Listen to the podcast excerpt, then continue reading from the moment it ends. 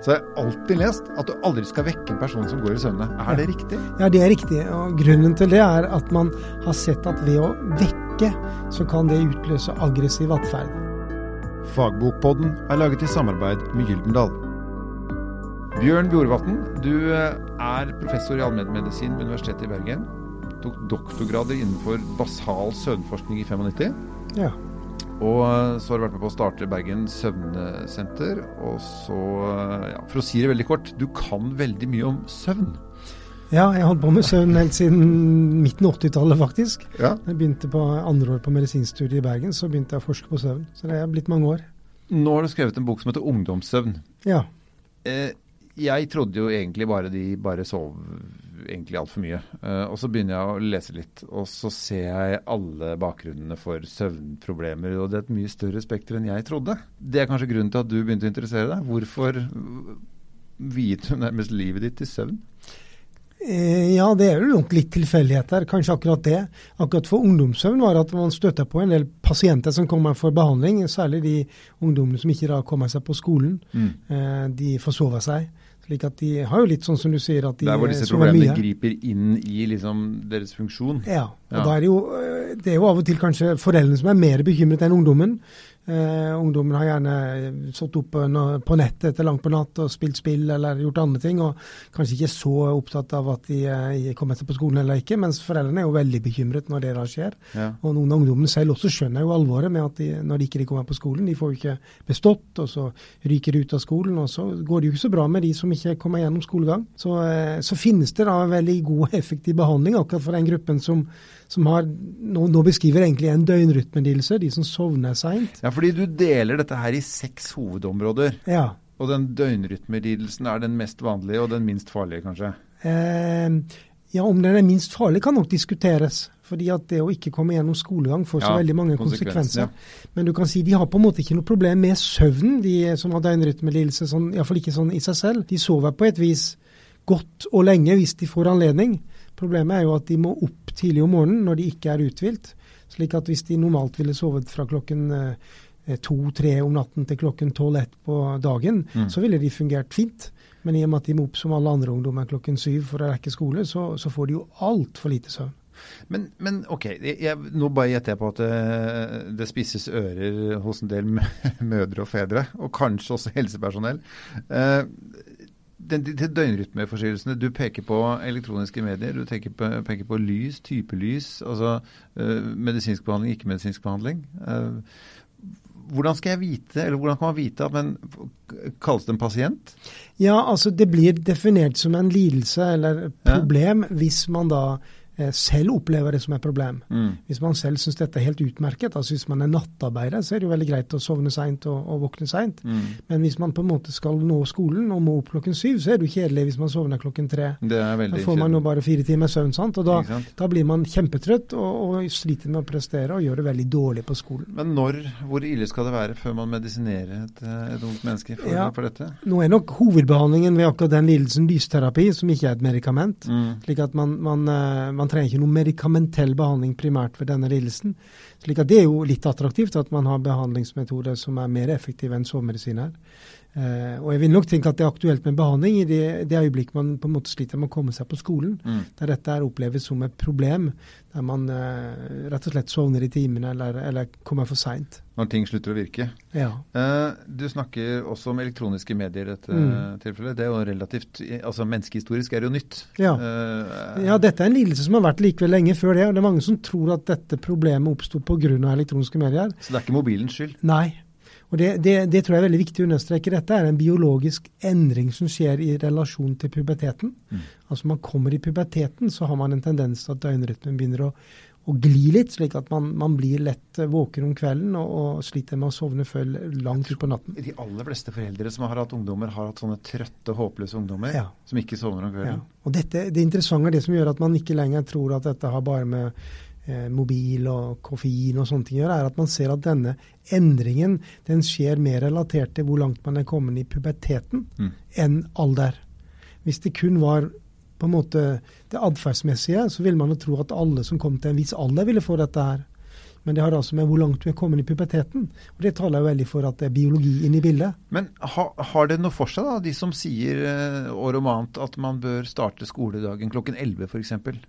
Ja, altså...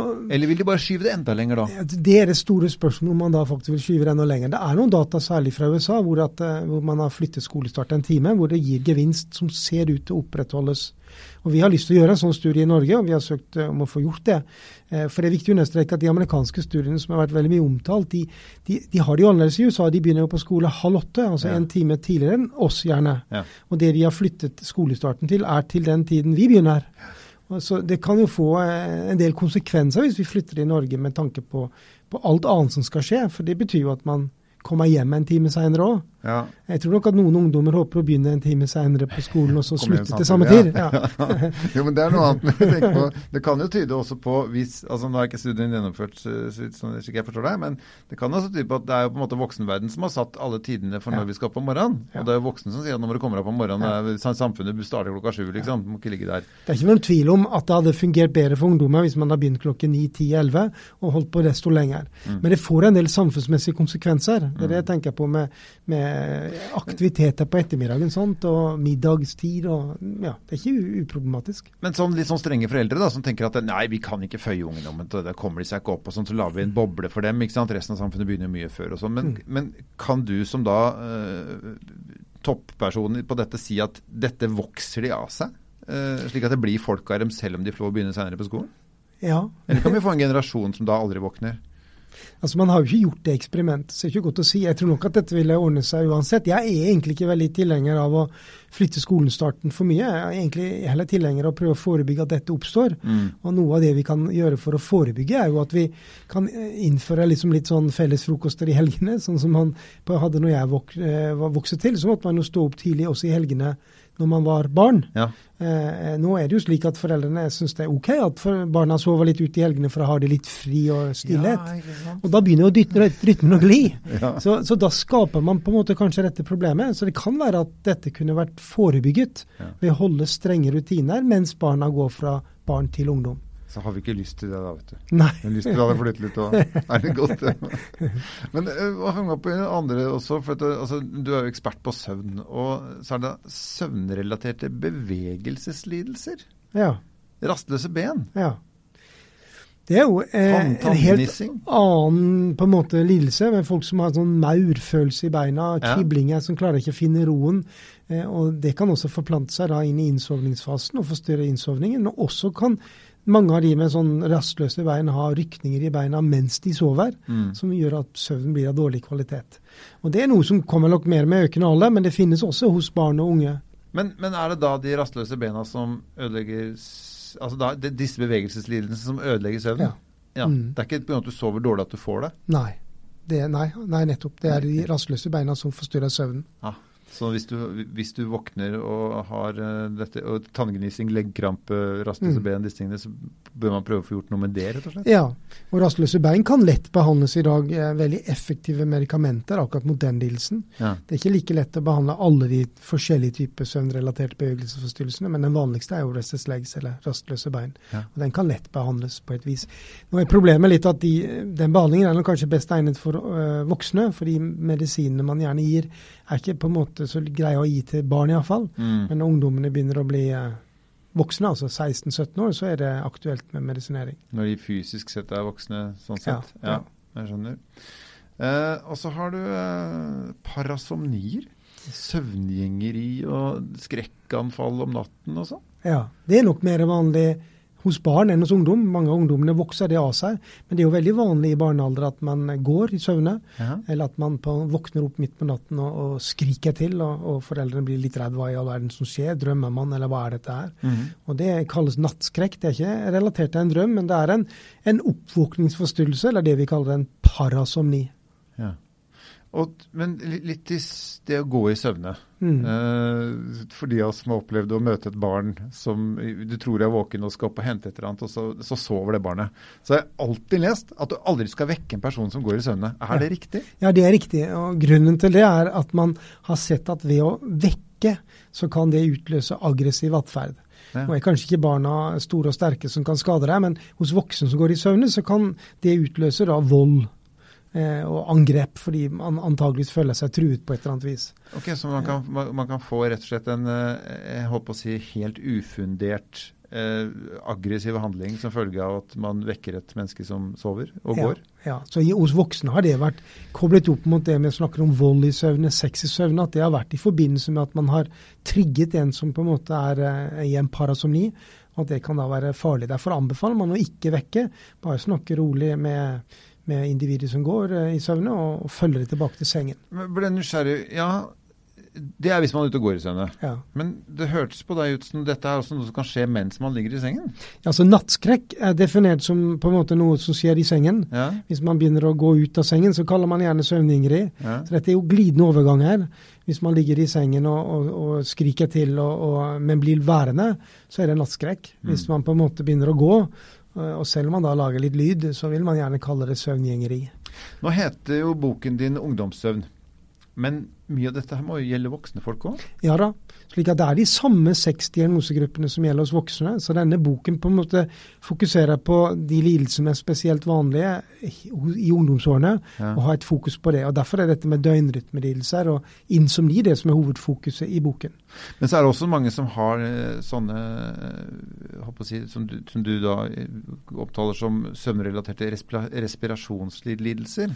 Ja, altså Ja, søvnapnégruppen. ikke sant? Eh, og det er jo en gruppe Folk sover med øker. maske på seg og Ja, og det kommer jo nå også i, i mye yngre alder. og Både barn har det, og også ungdom. Særlig er jo dette relatert til vekt. Og Vi ser jo at dessverre da, at vekten går voldsomt opp i, i vestlige land, også i Norge. Og økt vekt gir økt risiko for søvnapné. Eh, og det er en alvorlig lidelse som også krever da behandling. Ja, for den kan være farlig i ytterste konsekvens. Ja, absolutt. Den, altså det er klart at Når du da ikke får luft ned i lungene, Ja. så får du heller ikke oksygen ned i lungene.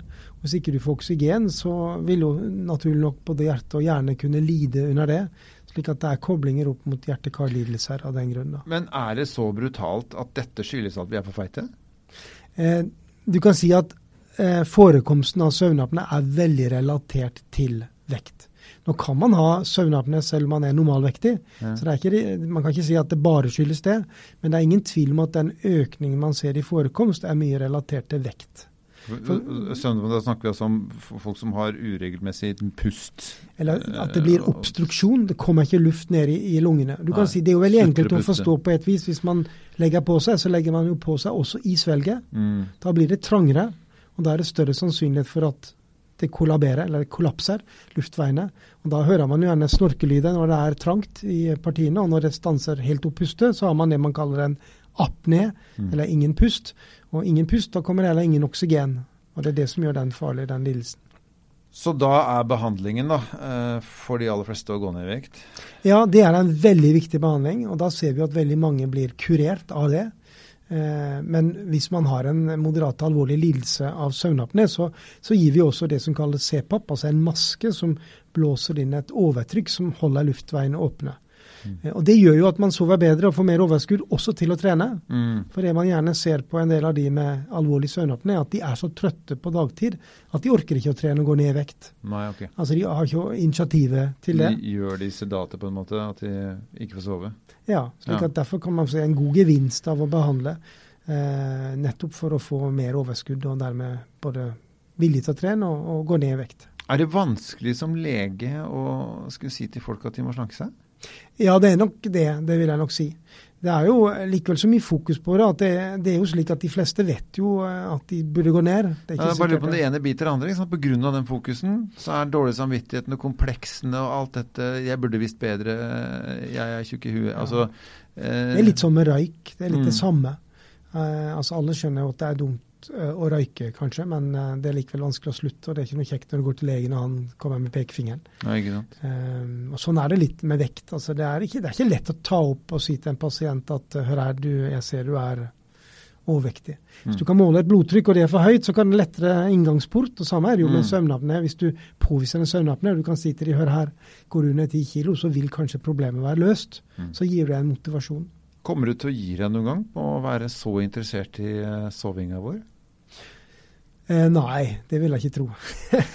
Vi tilbringer en tredjedel av livet i senga. Ja, altså det er, eh, det var litt tilfeldig at jeg kom inn i feltet, men det er på en måte såpass gøy å jobbe med det feltet. Det er så mange, altså Jeg jobber jo også klinisk av pasienter, og jeg ser jo så mange som du kan hjelpe. Det er jo veldig tilfredsstillende. Mm. Jeg syns det har vært kjekt å skrive bøker som på en måte får god omtale, og som folk setter pris på å lese og har nytte av. Uh, liker å holde forelesninger. Så jeg er jo primært forsker, så jeg forsker jo på disse tingene og syns det er gøy å, å, finne ut nye ting og, og, jobbe med det. Beste tipset du har til en uh, forelder med et uh, barn med merkelig sovemønster? Ja, det kommer litt an på alder og, og, og, når dette skjer og hva som skjer. Jeg, jeg tenker Hvis vi snakker om ungdommer som på en måte sliter med å komme seg opp på skolen, ja, vil ikke legge seg. så er det jo det å få dagslys på øynene etter at du våkner og står opp, som er viktig å regulere døgnrytmen. Og prøve å holde omtrent samme rytme hverdag som helg. Mm. Det vil kunne både forebygge og være viktig. Og Det er kanskje ikke det lurt å la ungdommene sove til klokken ett og to på ettermiddagen i helgene. Da er det veldig vanskelig å sovne igjen til kvelden. Så den langfrokosten din med kaffen i stua aleine og papiravis og sånn, den må du Tenker heller på det som kos å kunne sitte og prate med en uh, ungdom. Mm, som du har dratt opp litt tidligere i helga? som kanskje da ikke blir så stort problem å dra opp i ukedagene. For det er jo det foreldrene er helt fortvilt over, at de, de, får ikke ungdommen opp. De roper til ungdommen, og ungdommen svarer kanskje, men sovner igjen. Bjørn uh, Bjorvatn, tusen takk for at du kom. Bare hyggelig. Takk for at du lånte øre til Fagbokpodden, som er laget i samarbeid med Gyldendal.